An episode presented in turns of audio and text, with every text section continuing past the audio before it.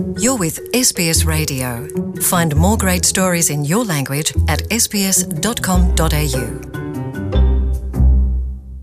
Сайн бацхан сонсогчдоо та бүхэндээ энэ өдрийн халуун мэндийг хүргэж байна. SBS радиоос 7 өнөг бүр та бүхэндээ хүргэдэг Австрали улсад оршин суух хөтжийнхөө 90 дагийнхаа дугаарыг хүрэхэд бэлэн болжээ. Энэхүү дугаараараа New South Wales мужид оршин суудаг монголчуудаа хэрэгтэй саяхнаас хэрэгжиж байгаа хөтөлбөрийн талаар мэдээлэл хүргэж байна. New South Wales мужид шин ихээр нэмэгдэж байгаа нийгмийн бүлгүүд эрүүл мэндийн зөвлөгөөг их хэл дээр авах боломжтой.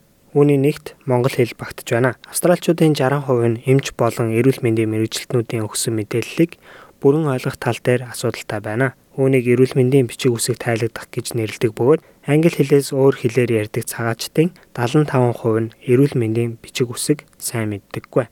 Энд New South Wales мужид эрүүл мэндийн холбоотой бичлэг болон мэдээллийн хуудсуудыг 20 өөр хэлээр хүргэж эхэлжээ.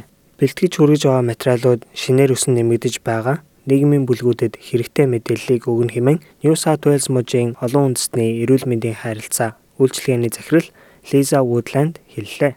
Тэрээр эрүүл мэндийн холбоотой мэдээллүүдийг орчуулахад ихэнх тохиолдолд түгээмэл ихэр хэрэглэгддэг хэлүүдээр л орчуулдаг байсан гэсэн юм. Тэдгээр нийгмийн бүлэг улсуудад мэдээлэл хангалттай хүрдэг.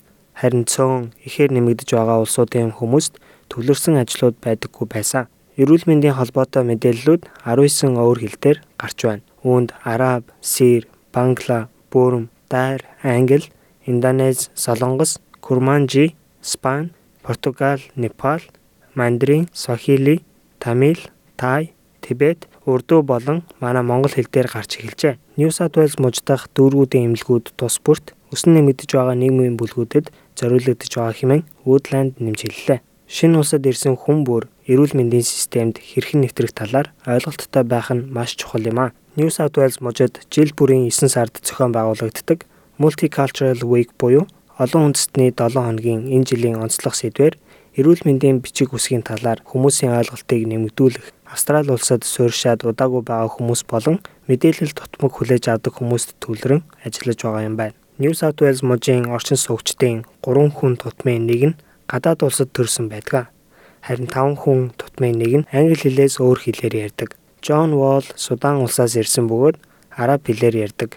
Баруун Сиднейд ихээр нэмэгдэж байгаа цагаачдын нэг юм. Австрали улсад анх ирээд эрүүл мэндийн талаар мэдээлэл хаанаас авах талаар ямар ч ойлголтгүй байсан хэмээн тэрээр ярьж байлаа. Амархан байсан гэж хэлэхгүй. Миний ирсэн Судан улсаас Австралийн эрүүл мэндийн систем илүү сайн. Гэхдээ амархан биш ээ. Харин одоогийн байдлаар Джон Wall Австрали улсад илүү дасан зохицож Mount Druitt дүүрэгт 7 хоног бүр болдог араб хэлээр яригчдын мэдээллийн өдөрлгүүдэд оролцдог юм байна. Түүний оролцдог өдөрлгүүдийг эрүүл мэндийн ажилтан Абула Агва зохион байгуулдаг юм. Австрали улсад ирээд эрүүл мэндийн үйлчилгээний ойлголттой болох нь шинээр ирж байгаа хүмүүсийн хамгийн түрүүнд хийх алхмуудын нэг хэмээн Агва нэмжиллээ. lack of understanding about the health system. Ихэнх хүмүүс эренгүүтээ хамгийн түрүүнд ажил хайдаг. Гэхдээ эрүүл мэнд бол нэн тэргүүний ажил байх ёстой.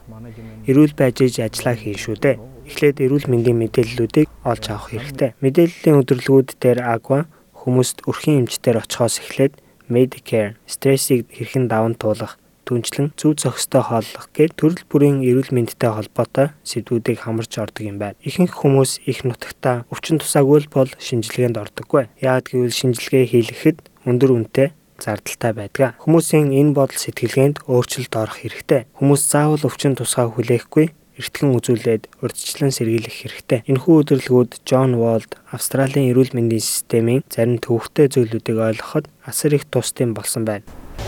Left camp to meet my friend.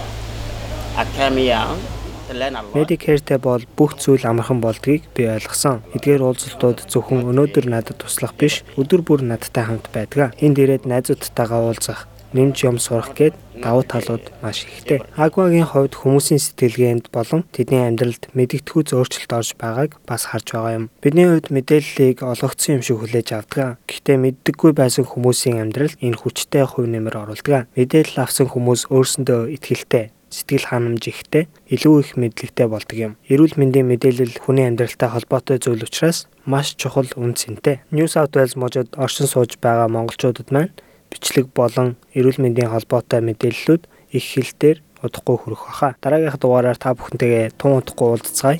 Шинэ 7 хоногийн амжилт хүсье.